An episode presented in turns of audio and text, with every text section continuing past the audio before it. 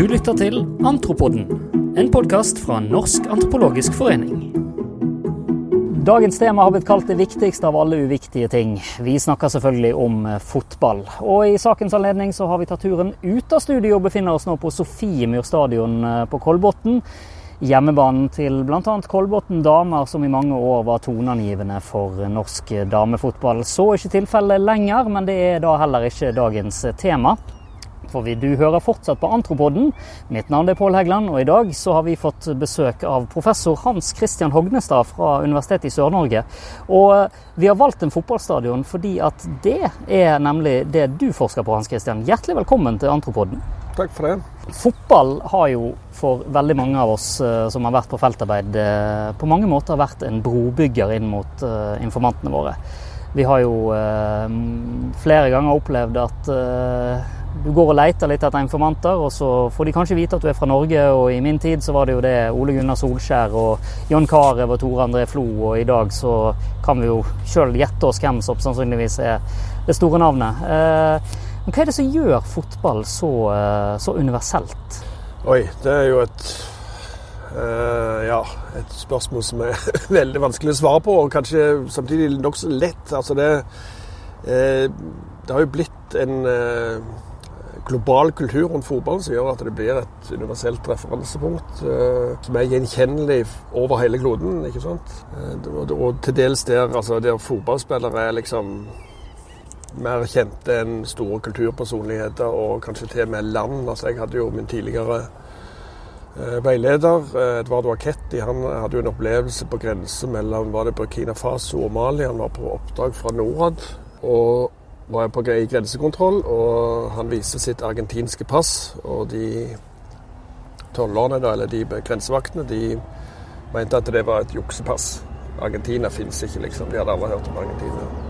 Men i det øyeblikket han eh, snakket Ja, dere har jo hørt om Maradona. Da ble det liksom tonen en helt annen. Altså, Maradona var mer kjent enn Argentina. Mm.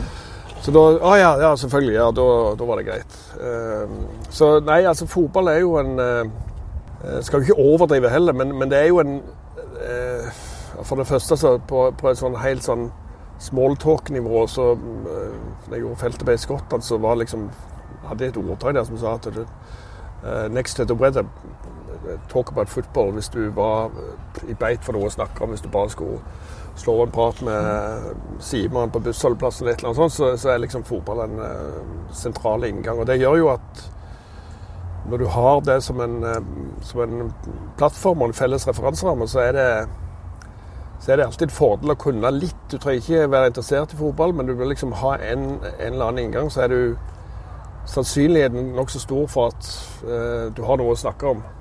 eh, samme hvem du møter. Ja. Mm. ja, for det er, jo, det er, jo, nettopp det der. Og, og mitt inntrykk er at det er et tema som er veldig vanskelig å forholde seg nøytral til. Altså Enten så liker man det, eller så liker man det ikke. Det er veldig få du møter som på en måte har et ambivalent forhold til mm. fotball. Ja, det, det Altså, det er, jeg tror nok det, det er jo mange som ikke bryr seg, og som ikke hater fotball. Men, men, men jeg vokste opp med en, spesielt ut fra 80- og 90-tallet, at det var, det var mye mer polarisert. og det var det var noe som du ikke ga noe kulturell kapital, for å si det sånn. Å være interessert i fotball, det var noe man helst skulle gjemme inn i skapet.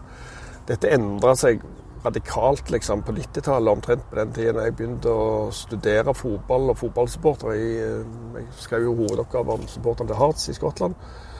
Eh, og Da begynte det å endre. Fever pitch kom ut, og du, altså, i vår del av verden eh, så ble fotball en, eh, en ikke bare stuerein greie, men det ble liksom noe man skulle forholde seg til på, på, på en måte. Ikke langt herifra, litt lenger sør, så var det vel Unni Williamsen som starta Rock mot fotballfestivalen. så det, var, det, var, det, ble liksom noe du skulle eh, Altså Hvis det ble for mye, så, så, så, var det noe du tok veldig avstand fra. Eller hvis, det ble, eh, eller hvis du var fan, så var det liksom noe du skulle eh skryte av og liksom eh, fremme med i, sterkest mulig grad. Sånn at det, og det, det dreide seg jo om den hypen som kom, som utviklet seg fra 90-tallet og framover, som, som var betydelig, og som var, var, veldig sterk og veldig overraskende på overraska meg og, og, og, en del andre. Men i dag så tror jeg det er, det er liksom sånn altså Jeg husker jeg tenkte at det, det er liksom det er veldig rart hvis du sammenligner fotball med andre kultur, eller andre kulturytringer eller kultur eller praksis, kulturelle praksiser, som f.eks. teater eller film eller andre ting, så er det, liksom, det er ingen som diskuterer liksom, om, er, om man er for eller mot teater. Det er enten, enten du forholder deg til stykket du ser, om det er dårlig eller bra, liksom. Men, eh, men jeg husker i begynnelsen så, så var det liksom sånn at man var for eller imot fotball. Det, liksom, det, det, blir, eh, det, blir, veldig rart på den måten at du, du, kan jo ta avstand fra kulturen rundt det, og ikke like liksom, supporterkultur og sånt, som kan jo være veldig militant og overhodet ikke noe som, som, appellerer til mange. Men jeg tror grunnen til at det har blitt så populært, er jo at det har funnet mange nyanser. sånn at det, den minoriteten av de mest militante har klarer å eksistere liksom, side ved side ved de som går av og til, og som har en sånn halv, halv interesse, men som er interessert i en god fotballkamp og gjerne opplever stemningen på tribunen. Ja. ja, for det, det, er jo Fotball blir jo på mange måter et mikrokosmos i verden. Du har på en måte kjærligheten, og så har du konflikten og, og dette som du sier, dette militante. Men samtidig så har jo fotball blitt eh, langt mer akademisk, altså med fremveksten av magasiner som Jossimar her i Norge. Og, ja, det er jo et kulturmagasin i høyeste grad. Ja, ja og, eh, og, nå sitter vi og lager en fotballpodkast som er vel kanskje noe av det som finnes mest av i den norske podkastfloraen. mm. um, men, og, og, kriger har jo starta pga. Altså, det sies jo at uh, det berømte strået som knakk uh, kamelens rygg uh, nede i det gamle Jugoslavia, var jo nettopp en fotballkamp. Altså, og vi har sett eksempler fra Sør-Amerika. Altså, for å dra litt på dette militante Men Romania òg, når Romania kvalifiserte seg til 1990-VM, så slo de Danmark i den avgjørende kvaliken. og det førte til opptøyere. Det var vel først i Timisoara som spredde seg til Bucuresti, og så ble jo Ceaucescu avsatt eh, i juletider det samme året. Så eh, Jugoslavia, så tenker du vel på den kampen mellom Røde Stjerne og Beograd mot Dynamo mm. Zagreb mm. i Zagreb i 1990, som Det husker jeg jo Og det, det, var jo et Det var jo en kamp som utspilte seg med et serbisk politi Altså Det var hovedsakelig serbere som var i, i politiet. Kampen foregikk i Kroatia. Røde Stjerne, altså til Lice, som supporter der heter, de, de, ble jo senere et rekrutteringsgrunnlag for ja, paramilitære tropper til, til den serbiske militsen. Liksom. Så, så, der var det jo Jeg kom bare på det du vi snakket om Arne Skeie før vi begynte her. så bare trekke inn her, for Jeg husker jeg så klippet fra den kampen på Sportsrevyen. Og det er Arne Skeie som jo har på sine fotballbriller, men ikke så mange andre briller kanskje alltid. Så, så han sa at sånt går virkelig ikke an på en fotballbane, når da Boban eh, tok sånn kung fu-spark på, på, en av eh, linjedommerne. Eh, som var serber. Det, ja, så Han gikk jo senere hadde en suksessrik karriere i Milan, og borgerkrigen tok, tok til. og sånt, Men, det, men det, den kampen viste jo mer enn noe annet liksom, hvor politisert fotball kan bli, og hvor utlysende. For da var det sånn direkte uttrykk for holdt seg, ulike sider i konflikten. Og da blir det plutselig et spørsmål om eh, liv og død. Mm. Ja, for det har vi jo sett eh, også her i Norge. Det var vel da Bosnia møtte Norge i, til en landskamp for en del år siden. Så skulle da den bosniske supportergruppen de skulle mm. protestere mot eh, eget forbund, ja. eget forbund. Og det endte jo med at de rev løs stoler på, på stadion. Og, ja, de satte vel fyr på, eller prøvde å sette fyr på, ja. Ja, og, og, og det vi, da, da kom på en måte dette kan du si, virkelig storpolitiske alvoret til norsk tribunekultur. Eh, fordi, mm. Og du, du, nevnte jo Hearts eh, i Edinburgh, som, og de som eh, hører dialekten min, hører jo at jeg kommer fra bergenstraktene. Og vi har jo et. Yes, og vi har jo et veldig sterkt forhold til, til Hearts og Edinburgh nettopp pga. vår store helt der. Og, og, du har jo tidligere snakka om på en måte forskjell mellom norsk og britisk tribunekultur. At uh, den norske litt mer sånn ja, det er feil å si sivilisert, kanskje, så litt mer kanskje pedagogisk, mens den britiske det er et slags sånn eh, I 90 minutter så, så, er konfrontasjonen der, altså opphøret nesten av alle samfunnsnormer. Eh, det å skjelle ut dommeren og på en måte rope eh, ukvemsord. Det er jo en så etablert del av den britiske kulturen, mens den norske har vært mer forsiktig, men, men har mm. kommet i den senere tid. da. Mm. Ja, dette er jo ting som var nokså sentral, sto nokså sentralt i min, eh, mitt doktorgradsarbeid for en 20 år siden, 20 års tid siden. Og altså, Der skrev jeg jo òg eh, en del, eller jeg analyserte eh, forskjellene på den måten at altså, i Storbritannia, både i Skottland og, og, i England, så er det på en måte et, det er et ritualisert teater. altså Der du, det, der er, det er tillatt å gjøre helt andre Eller stå for å komme med ytringer innenfor stadionkonteksten, innenfor kampritualet, kan du si, enn eh, Altså, du kan si ting der som er utenkelig å gjøre på gata. Så på gata blir du arrestert. Inne på stadion så, så, så, er det, eller var i alle fall, var det en viss aksept for, for det jeg kaller for eh, en konfliktdrivende dialog. Altså Der du synger gjerne òg til de andre, og du lager nidviser og driver fram et konfliktnivå som som òg altså fotballedelsen og forbund og sånt eh, lovpriste som god stemning. Men den gode stemningen og den elektriske stemningen dreide seg jo om en hatdialog. ikke sant? Altså, og, og gjør det ennå. ikke sant? Altså Det som driver fram en, en god stemning. Så det, så det, og det blir jo politisk eh, og sosialt eh, kontroversielt i det øyeblikket du da altså I Norge så er det liksom litt mindre altså Tord Larsen han har jo skrevet om dette her eh, tidligere, bønder i byen. Eh, det er, det er mindre holdt på å si, bevissthet eller, eller, aksept for at du har ritualer som, som er, bryter med normene ellers i, i, i samfunnet. altså der, der, det forventes at du um, Det som blir uttrykt i holdt på å si, den kamprammen, den ritualiserte kamprammen, skal være pedagogisk riktig, da, eh, som du nevnte i begynnelsen. der. På den måten at det skal ha en oppdagende funksjon. Så jeg opplevde jo etter jeg eh, hadde gjort eh, det studiet i Skottland, så ble jeg jo oppringt ja, Det var mens jeg jobbet i Unesco noen år etter hovedfaget. Så ble jeg oppringt av en journalist i Aftenposten på bakgrunn av en kamp mellom Rosenborg og eller Lillestrøm og Rosenborg på, på Åråsen stadion. Dette må ha vært i 1997. Jan Jamfall var keeper på på Rosenborg. Og da var på en måte journalisten og det var stor medieoppslag om fordi det var noen seksåringer som hadde stått bak målet til Jørn Janfall og ropt 'jævla homo'. Og hva jeg syns om dette her.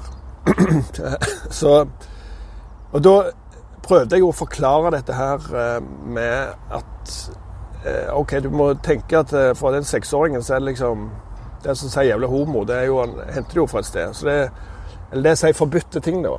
La oss kalle det.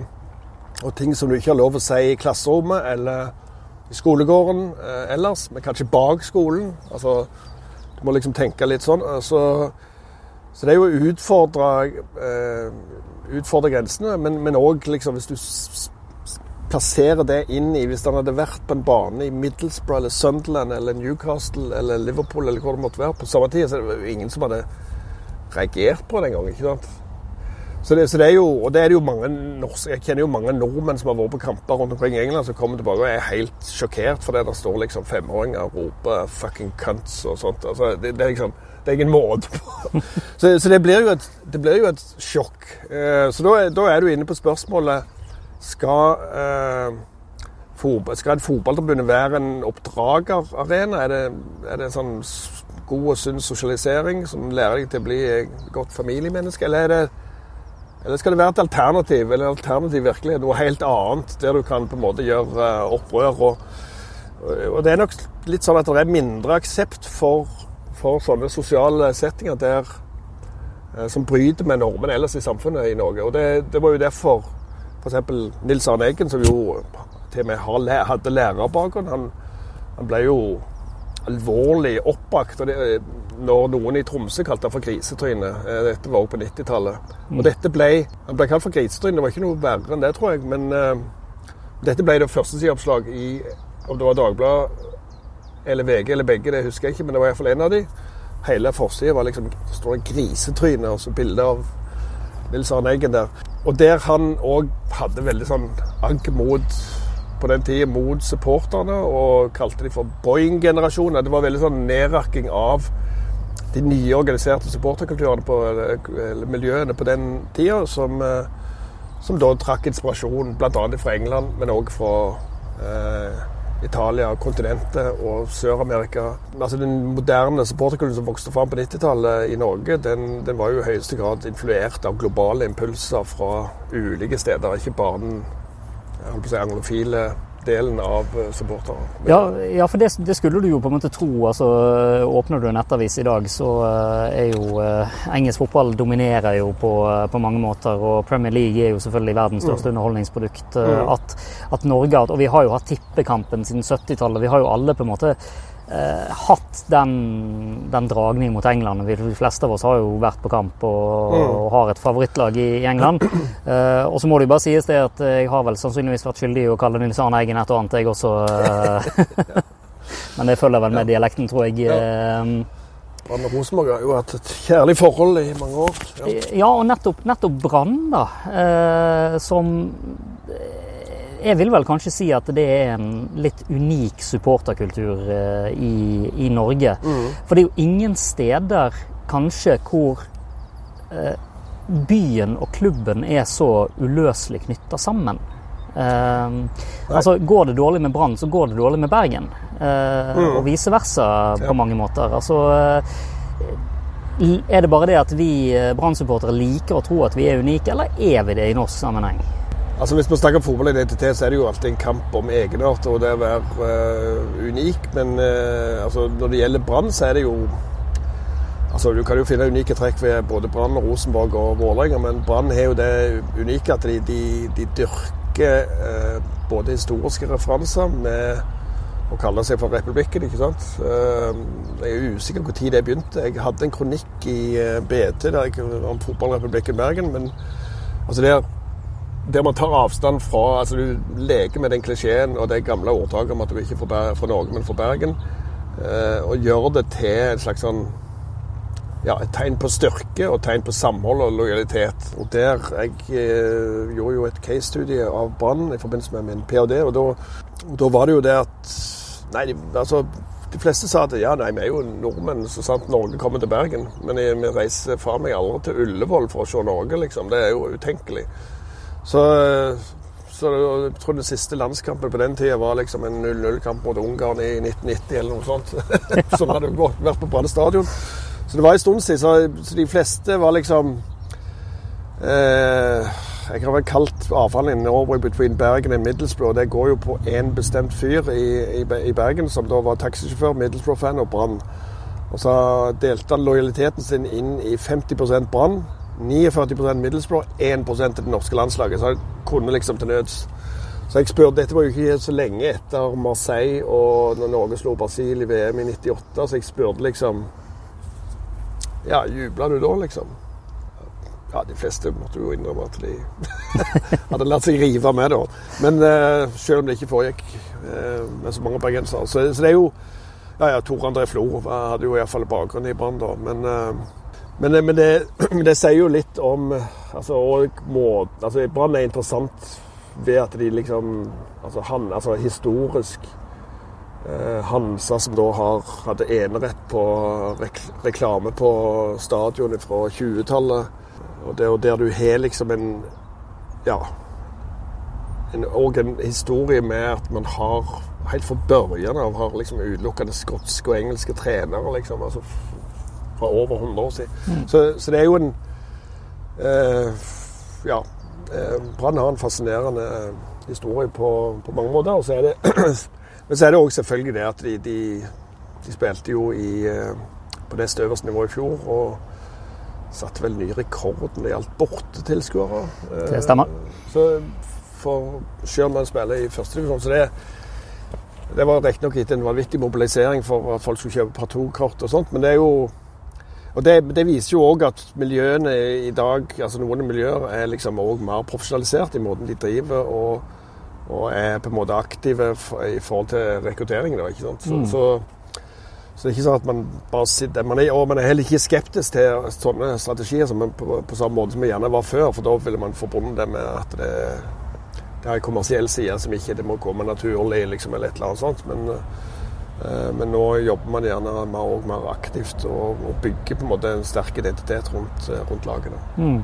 Ja, og, og, kommersialiseringen av fotball kan man jo eh, snakke om i, i ja. timevis. Men hvis vi trekker det litt tilbake til, til politikk og uh, drar da nedover mot Midtøsten, der det i aller høyeste grad er altså Du har jo uh, denne storkampen mellom det er vel Persepolis og så husker jeg ikke akkurat hvem de andre er nede i Iran. Ja, det, er jo en, jeg, eh, ja, det, er der de, det er der de eh, myndighetene helst ser at den kampen ender uavgjort, eh, for da er alle fornøyd. 1-1 i, mange mange år, så endte han 1-1 for å unngå Ja. uroligheter. Ja. Og i Egypt har vi jo sett uh, utfallet. Ja. Altså på, på Tahir-plassen i, eh, under den arabiske våren så var det jo Mm. fotballsupporterne nettopp som mobiliserte. Og det, de var jo også gjenstand for en enorm tribunetragedie Mm. der nede.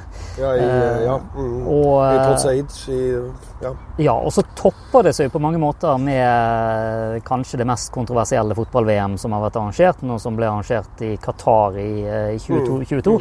Og det har jo du eh, fokusert ekstra på, for nå deltar jo du i et eh, svært eh, forskningsprosjekt der bl.a. Qatar-VM er en del av det. ja, det heter fotball og religion i Midtøsten. Det er i lag med kolleger på Midtøsten-studier, eller på Institutt for kulturstudier og orientalske språk, er det vel på, det heter nå, på Universitetet i Oslo. Dag Tuastad, Bjørn Olav Utvik og Charlotte Lysa er òg med på det. Og, og de har jo bakgrunn som Midtøsten-forsker, så for meg er Midtøsten et, en ny region, kan du si, mens jeg har kommet inn da som prosjektleder pga. min eh, ja, eh, ekspertise på, på fotball og fotballkultur. Da. Så, så der ser vi jo på mange ting. Altså Qatar er jo et av eh, mange case. Vi var nett, jeg er nettopp kommet hjem fra Marokko, der vi har ja, vi har besøkt ultrasene til, eh, til Far Rabat og til eh, Vidad i Casablanca, som er noe av det mest vanvittige jeg har vært borti. Vi var på to kamper der, og det, ja, det er liksom familier og småunger og slåssing eh, og pyro, og det, det er helt vilt. Og fullt av folk rundt deg som sier 'It's safe, welcome to Morocco'. Men det er en annen, eh, det er en annen skål, så det er inntrykket der for ferske til at jeg kan analysere det her nå. Men tilbake til Qatar, så ser vi jo på Altså, det, det er jo flere ting som er interessant. Altså, vi, vi jo, hadde jo et ti dagers feltarbeid som jo er nokså begrensa. Vi var fire stykker, tre, tre stykker eh, som gjorde feltarbeid i ti dager i, gruppe, i forbindelse med gruppespillskampene der. Eh, og hadde jo da med oss en bagasje som var prega av en ekstrem negativitet i måten Ja, man, ja det var òg i supportermiljøene i Norge så var det eh, spørsmål om eh, boikott. Og, og vi har jo opplevd bare det at vi for, ville forske på det som en slags svikerposisjon å innta. Eh, så vi er jo interessert i altså I utgangspunktet var vi interessert bare hva skjer under VM. Altså hvor viktig og hvor, hvem er det som er der. Hvordan f.eks. Marokko, som gjorde, gjorde det veldig bra. Hva syns de om VM der, å ha VM der? Hva betyr det for Midtøsten? Vi ville ha fram det arabiske perspektivet, så vi prøvde å skyve støyen fra Nord-Europa, for det var jo nokså isolert mellom si, Norge, eller Tyskland, Nederland, Storbritannia og Norden, kan du si, som, som preger den veldig negative eh, dekningen. Og fokus på problemet alt fra migrantarbeidere til, til generelle menneskerettigheter. Så, så vi, men vi kommer jo til å ta for oss mediedekningen av her. Altså hva, hvor ble det av de nyanserte stemmene oppi dette her, og, og hvem, hvorfor, hvorfor var man så vanvittig negativ til å skrive om ting som faktisk skjedde der. Det er jo Mm. noe av det jeg syns er interessant. Så, Ja. eh, og hvor, altså hvor, hvor det kommer fra. Eh, de fleste her kan jo være enige om at eh, arbeidere skal ha rettigheter, og vi møtte jo mange migrantarbeidere der. Men det er jo et veldig sammensatt eh, bilde. Det er liksom 2,5 millioner migrantarbeidere. Det er alt fra leger til sjåfører og lagerarbeidere. Og folk bor forskjellig, og det er liksom Ja. Så det, så det er jo et eller annet med hvor, og hva skal du sammenligne med? Hvor ille er det i forhold til andre plasser osv. Så, så, så, det, så det er jo en del eh, spørsmål der som, som, som, som er veldig interessant å ta tak i. Og, og måten eh, kamper ble kommentert på. Det var, altså det var veldig lite nysgjerrighet på hva folk der nede tenkte, liksom. Eller hva, hvordan de opplevde det. Det var mer bekreftelser på at her er det ingen fotballkultur, her er det ingen tradisjoner osv. Så, så så det er jo Så, det er jo, så bare, for, bare for å ta, ta, ta den biten, da. Er jo, alle er jo enige om at det er jo masse Altså, jeg, jeg reagerte jo med vantro som alle andre når det ble tildelt, men så er det et eller annet med at når du er forbi den, det stadionet, det faktisk er et VM der, og du deltar, så må man forholde seg til det. Og da er det et Ja, og da, da var Vårt ønskepunkt var jo òg å se selvfølgelig hvordan dette ble brukt politisk. altså Marokko sin eh, sympati for Palestina f.eks. i Palestina-Israel-konflikten var veldig påtagelig når du var der. Eh, men òg andre politiske markeringer som, som, da, eh, som da i stor grad eh, ble stående ukommentert herifra, fordi det var definert som et uønska arrangement i utgangspunktet. Så, men for de som opplevde de folk fra Midtøsten som fikk sitt første fotball-VM, så var det jo stort for folk fra Sudan, Jordan, Marokko altså, altså, de landene som og land som ikke deltok, tok stor ære i det. Og arrangøren de eh, altså det var én ting de var gode på, det var, å, det var på en måte eh, å portrettere eller framstille dette som et sånn panarabisk, eller sånn et VM for hele regionen. da, ikke sant, altså, eh, Så men utover det, jeg kan jo snakke mye og lenge om dette. her, Utover det så var det liksom det mest påfallende observasjonen i forhold til Jeg, jeg var jo i Frankrike-VM i 98, så det mest påfallende er jo da fraværet av vold. Og et veldig snilt politi. Ubevæpna politi. Det var ikke, så ikke gevær noen plass. Uh, så det er der tryggheten uh, som, som, det ga, og det, liksom, ja, det følelsen av et veldig sånn inkluderende egentlig uh, mesterskap, det er jo noe som ikke har kommet fram i det hele tatt i norske medier. og Det syns jeg er interessant. Ja, og akkurat nettopp den. Eh, for uh, du og kollegene dine skrev jo en kronikk uh, som uh, bl.a. er publisert på prosjektets nettsider. Ja, det var mens vi var der, faktisk. Ja, om, om da NRKs dekning, bl.a. Og jeg har jo ja. hørt flere også som sier at ja, men dere underspiller jo hele tiden dette at dette er det arabiske VM. Det er en mm. stolthet. Altså, og jeg fulgte jo selv VM i, og fulgte jo Marokko med glede, på en måte. Mm. På dette og var jo fryda jo meg over uh, suksessen deres. Og så, mm. For dere tilbrakte jo tid på disse såkalte fanzone. Uh, ja, vi, vi, var på fire kamper. Uh, inkludert og det, Apropos politikk, så var jo dette ikke lenge etter uh, opptøyene i Iran begynte, etter drapet på Mashad Amini. Uh, så vi var på Wales-Iran, som var en uh, høy emosjonell kamp. Og, og, der det var òg en politisk markering. Det var mange som var på dag, dagsturer fra Teheran. Det, var, det er jo bare en times flytur unna. Eh, og som òg ble tillatt. og den andre kampen var Saudi-Arabia-Polen, som òg var interessant. Og så var vi på Spania-Tyskland og Brasil-Sveits. Det var de fire kampene vi gjorde observasjoner på for på en måte å se på ting som hadde med sosial kontroll å gjøre. Altså hvordan kontrollerer man supportere? Hvordan kontrollerer man det de kan vise fram? Det var veldig mye fokus på ja, regnbueflagg og sånt, som, som, eh, som eh, noen ble stoppa med. Eh, men hva med andre ting? Så vi så en, en, en del på det. Og det som altså sånn grovt sett kan Ja, Altså Det var lite slåssing, og det var et snilt politi. Så, og det er jo liksom å hjelpe, altså hjelpsomt politi. altså De snakket med folk hele veien. Altså de, de, det var liksom ikke eh, Du følte ikke at de eh, Ja, de sto ikke klar med Altså Vi var i Marokko, så var det noe helt annet. Det var liksom tåregasspoliti og hjelmer og eh, noe nettopp. Så der er de vant med en helt annen form for konfrontasjon. Og, og det er jo mange forklaringsvariabler på, på dette her, selvfølgelig. Det, det, ene er jo at det var dyrt å være der, men det er jo de fleste VM er jo dyre. Det, men for å være der ei uke, så måtte du ut med en 50 000. At alle mm. måtte regne med, med reise og overnatting. Eh, og ja, ja, 50 000. Jo, og, og kampbilletter. Så vi betalte vel 1500 per billett, som jo var sånn cirka gjennomsnittlig. Det var uh, ordninger som gjorde at du uh, no, altså, Supporterne til landet kunne få billigere billetter, men uh, hvis du hadde liksom en helt normal billett, så var det 1500 kroner per kamp. Mm. Så, så, så, det var jo um, Ja.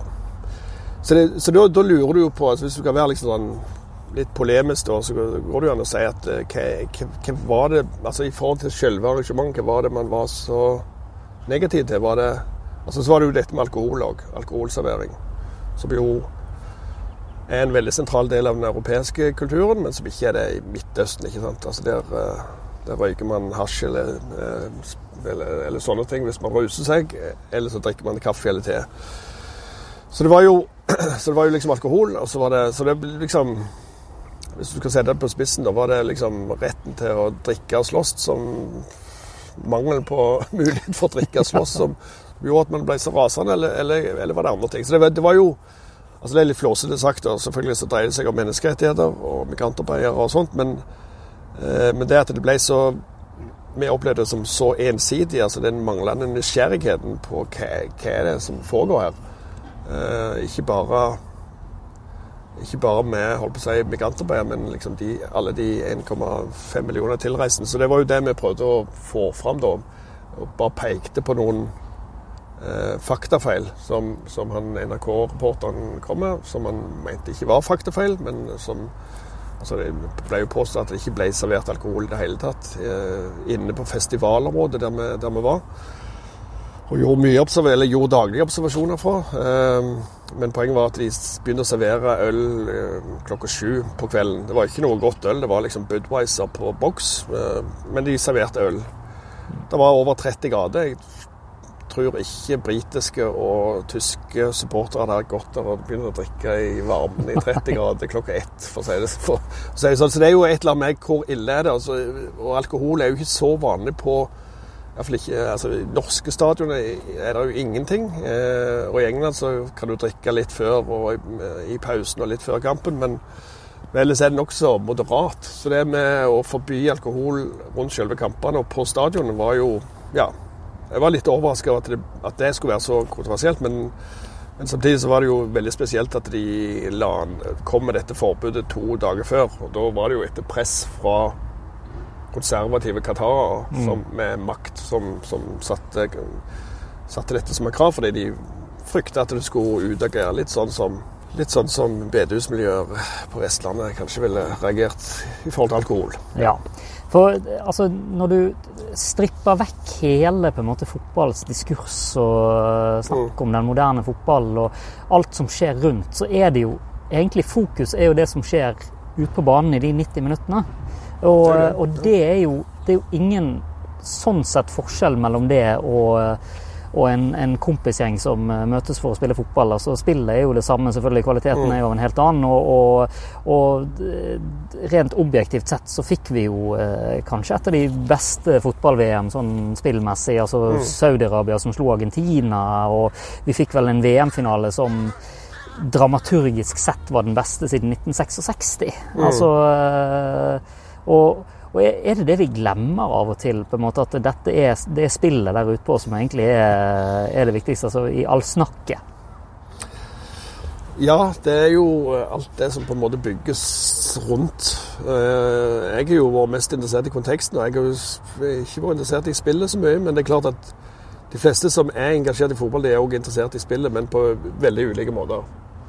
Noen kan sitte time ut og time inn og se på fotball på alle nivåer. Eh, andre er ikke interessert i det. Og det er en ganske stor andel òg i supportermiljøet som eh, altså, Jeg fikk jo inntrykk fra Marokko, der altså det tilhører en ultrasgjeng eh, der. Det er ikke nødvendigvis betinget at du er spesielt interessert i fotball. Du registrerer resultatet, men du er opptatt av koreografien, og det er så enormt mye som skjer, sånn at du kan umulig følge med på alt som skjer eh, på matta eh, over 90 minutter. Men det er jo liksom Men det er noe helt, er noe helt annet da enn du er en kompisgjeng som møtes på Løkka for å avtale for, for å spille, spille, kamp. Vi snakket, jo, vi snakket jo eh, før du begynte å skru på opptakeren, om, eh, om, fotball som en inngang til samfunnet. Altså, og man, hvis man som antropolog skal gjøre feltarbeid, så er det veldig mange som opplever at fotball kan være på en måte en nøkkel inn. Enten at, du, at det er en aktivitet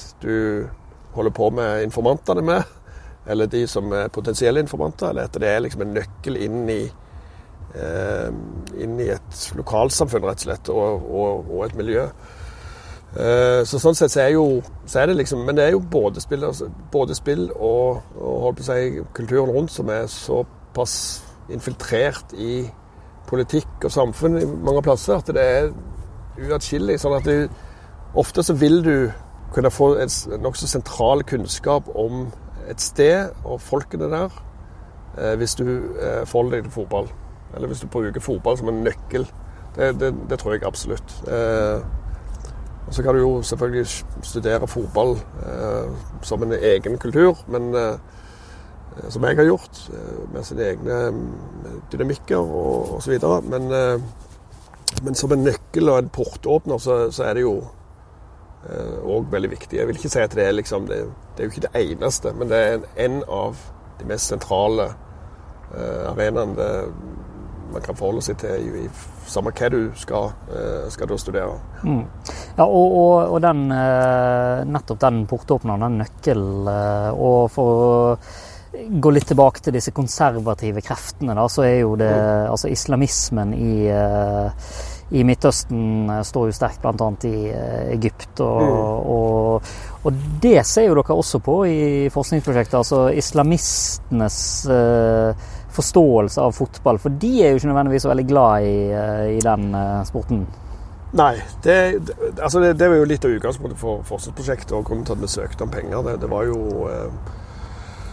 det var jo å se hvordan islamister forholder seg til en global kultur som fotball. Um, Eh, er det haram, altså er det synd, eller er det noe som eh, man kan gjøre tilpasninger i forhold til? Og hvordan, altså Midtøsten som en region der fotball er ekstremt populært blant barn og unge, hvordan skal du konkurrere om eh, hjertet og hjernen holdt på å si, til, til disse ungdommene? Skal du da forby fotball, eller skal du liksom gjøre visse tilpasninger? Og De aller fleste vil, vel, vil da altså Så langt så tyder alt på at de, de fleste vil gjøre, eh, gjøre, det siste. Vi snakket med to representanter fra islamistiske bevegelser i, nå i Marokko. Eh, og vi prøvde jo å fiske etter ja, kan jenter spille fotball. Kan de, ja, Hva med påkledning? Eh, må de spille i hijab? Må de dekke til hele, eh, hele beina? Vi så en kvinnekamp i Marokko òg, og da var det jo liksom noen spillere Det er jo ikke sånn at det er noen Det er jo ikke alle, eller ingen. Men det er liksom noen spillere som, som da spiller med hijab og heldekkende bein, For eksempel, sånn at de dekker liksom både hår og, og, og beina. Men, men, de aller fleste gjør ikke det i Marokko, av eh, kvinner. Og de fleste går med hår løs. Så det er liksom sett inn der. Men, men når det gjelder eh, det som tilrettelegger for aktiviteter på, eh, for ungdom, så, så var det jo sånn altså det er en det er ungdomspartiet til noe som heter Lov og, Lov og Rett, som er et islamistisk parti som, ikke, som er i opposisjon nå i Marokko, men som satt i regjering i eh, forrige periode. Og eh, så vi snakket med generalsekretæren der eh, i Ungdomsforbundet. Og da fortalte jeg at de hvert år så hadde de samla de 3000 ungdommer. og da da var det idrettslige aktiviteter og sto liksom på programmet ved sida av bønn, bønn, bønnestunder og sånt. Altså det, så det er jo en man legger jo en religiøs regi på, på, på aktivitetene, men da, da, var det basket for jenter og fotball for gutter. Så da spurte vi jo liksom videre liksom, ja, hvem er fotball for, for, for jenter. Og da kom det klart for nei, vi har ikke noe imot fotball for jenter, men, men det er et sånn embryonisk stadium, som man sa. Så det er liksom en veldig sånn sped spedfødsel. Mm. Men nå har jo marokkanske finlandslaget har jo, har jo kvalifisert seg til VM, som skal gå i Australia og New Zealand. Så, så, så de er blant de bedre på kontinentet, og, og der for å si, kvinnefo- og jentefotballen eh, står veldig sentralt. Men vi skal jo da òg se på bl.a. Saudi-Arabia. Jeg har en doktorgradsstudent eh, som skal studere eh, kjønn og eh, både grasrotsidrett, men òg inn i skoleverket. Altså hvordan det tilrettelegges for jenter og kvinner i idrett og fysisk aktivitet. Eh, legges det hindringer og, og, holdninger i familien, så det er jo et etnografisk Det jo, skal jo gjøre feltarbeid.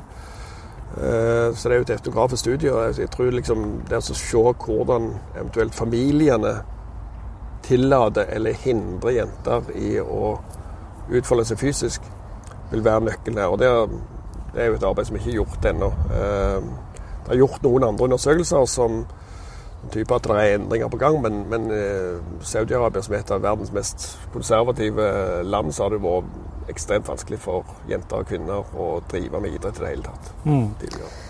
Ja, og, og, eh, vi kan jo ikke slå oss sjøl på brystet og si at uh, vi har vært uh, kjempe. Altså, Norge har jo selvfølgelig sånn sett vært en pioner uh, innenfor uh, kvinnefotball. Og vi nevnte jo at vi sitter på Kolbotn i sin hjemmebane. og Nå har vi jo en kvinnelig fotballpresident, i Lise Klavenes, og, eh, og sånne ting. Men altså, kvinnefotball nå har jo vært eh, sett ned på eh, i Norge, til tross for at eh, kvinnelandslaget har meritter som det norske mm. herrelandslaget bare kan drømme om. Altså blir blitt mm. verdensmestere og olympiske mestere og, og, og, den slags. Men likevel så har på en måte kvinnefotball vært litt sånn uglesett her i Norge òg.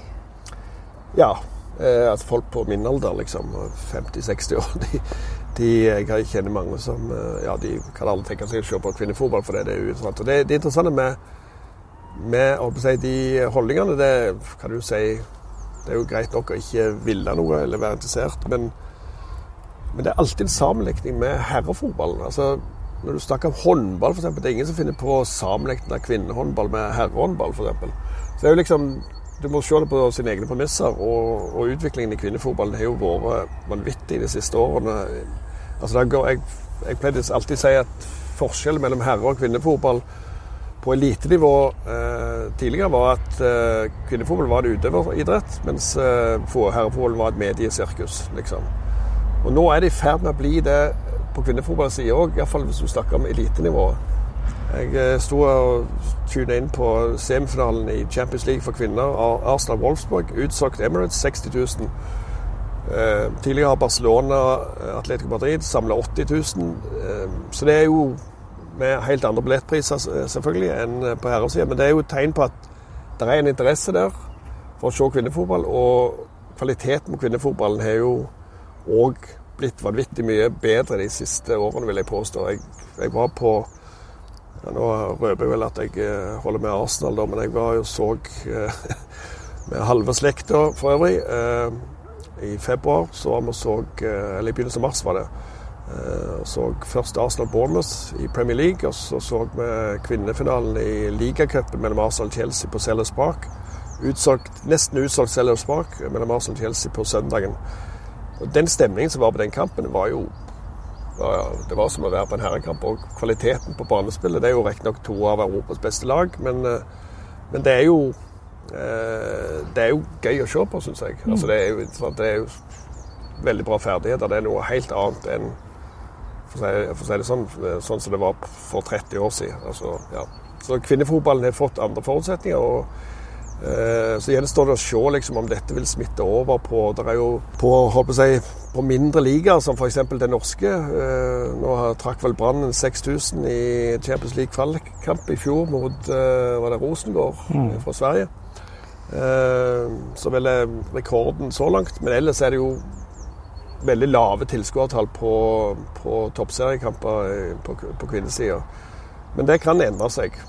Så er jo spørsmålet om markedstenkning og kommersialisering, og hvor mye penger kommer inn i, inn i kvinnefotballen i forhold til, i forhold til herrefotballen, og hvor, hvor altså Der man òg ser krav om altså, likelønn, f.eks., som har kommet inn. Er det realistisk å tro at kvinnelige fotballspillere skal, profesjonelle skal kunne trene like mye som mannlige?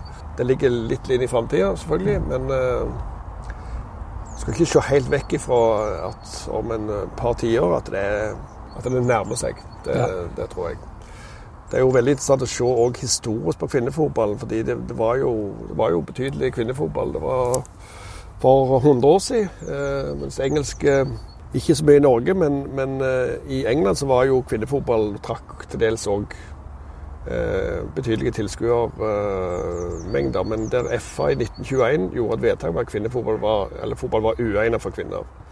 For Da begynte det å bli et press på anlegg og tilgang på anlegg. Så da definerte man dette som en mannlig praksis i en tid der du fikk veldig sånn spissa kjønnsroller i generelt. Kvinnene i kjøkkenet. At hun fikk mye mer sånne hard Eh, harde forskjeller, harde kjønnsforskjeller da i, eh, etter første verdenskrig. Eh, men Dick Her Ladies mot St. Helens på Goodison Park i 1920 samla jo 53 000 tilskuere. Mm.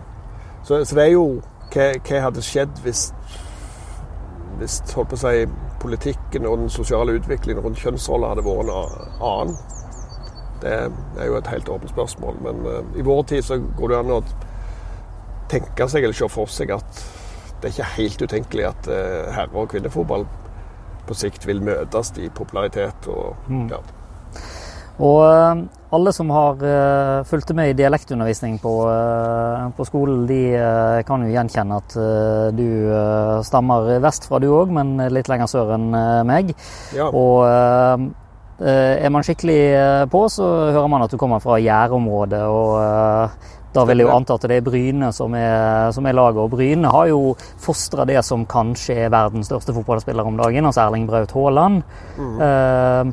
Men Bryne og Viking er jo også to interessante caser, for du har Det, det er jo ikke langt mellom de to byene. Det er jo bare Nei. en liten togtur, men der Stavanger på en måte kanskje dyrker altså Det da, gamle Vikingstadion lå jo midt på, på Egernes, altså det mest Porsche området i Stavanger, kanskje. Mm. Så er jo Bryne på en måte har jo dyrka denne her eh, litt sånn bondekulturen. Og det er jo det der berømmelige klippet fra, fra NRK med han som eh, ber kona gå og melke ja, ja. i fjøset fordi han skal på pub. Ja. Eh, og det nettopp dyrkes denne her. Ned, unngått nedrykk til andredivisjon. Mm. Ja, jeg kjenner han Bjørn. Ja. Mm. Og, eh, og, og den, den, er jo altså De enorme regionale forskjellene der òg. Mm. Ja. Eh, jeg vokste jo opp med rivalisering mellom Bryne og Viking. Men det er jo, men det er jo et veldig interessant eksempel på hvordan rivaliseringer dannes, og hvordan det er òg til si, sportslige prestasjoner.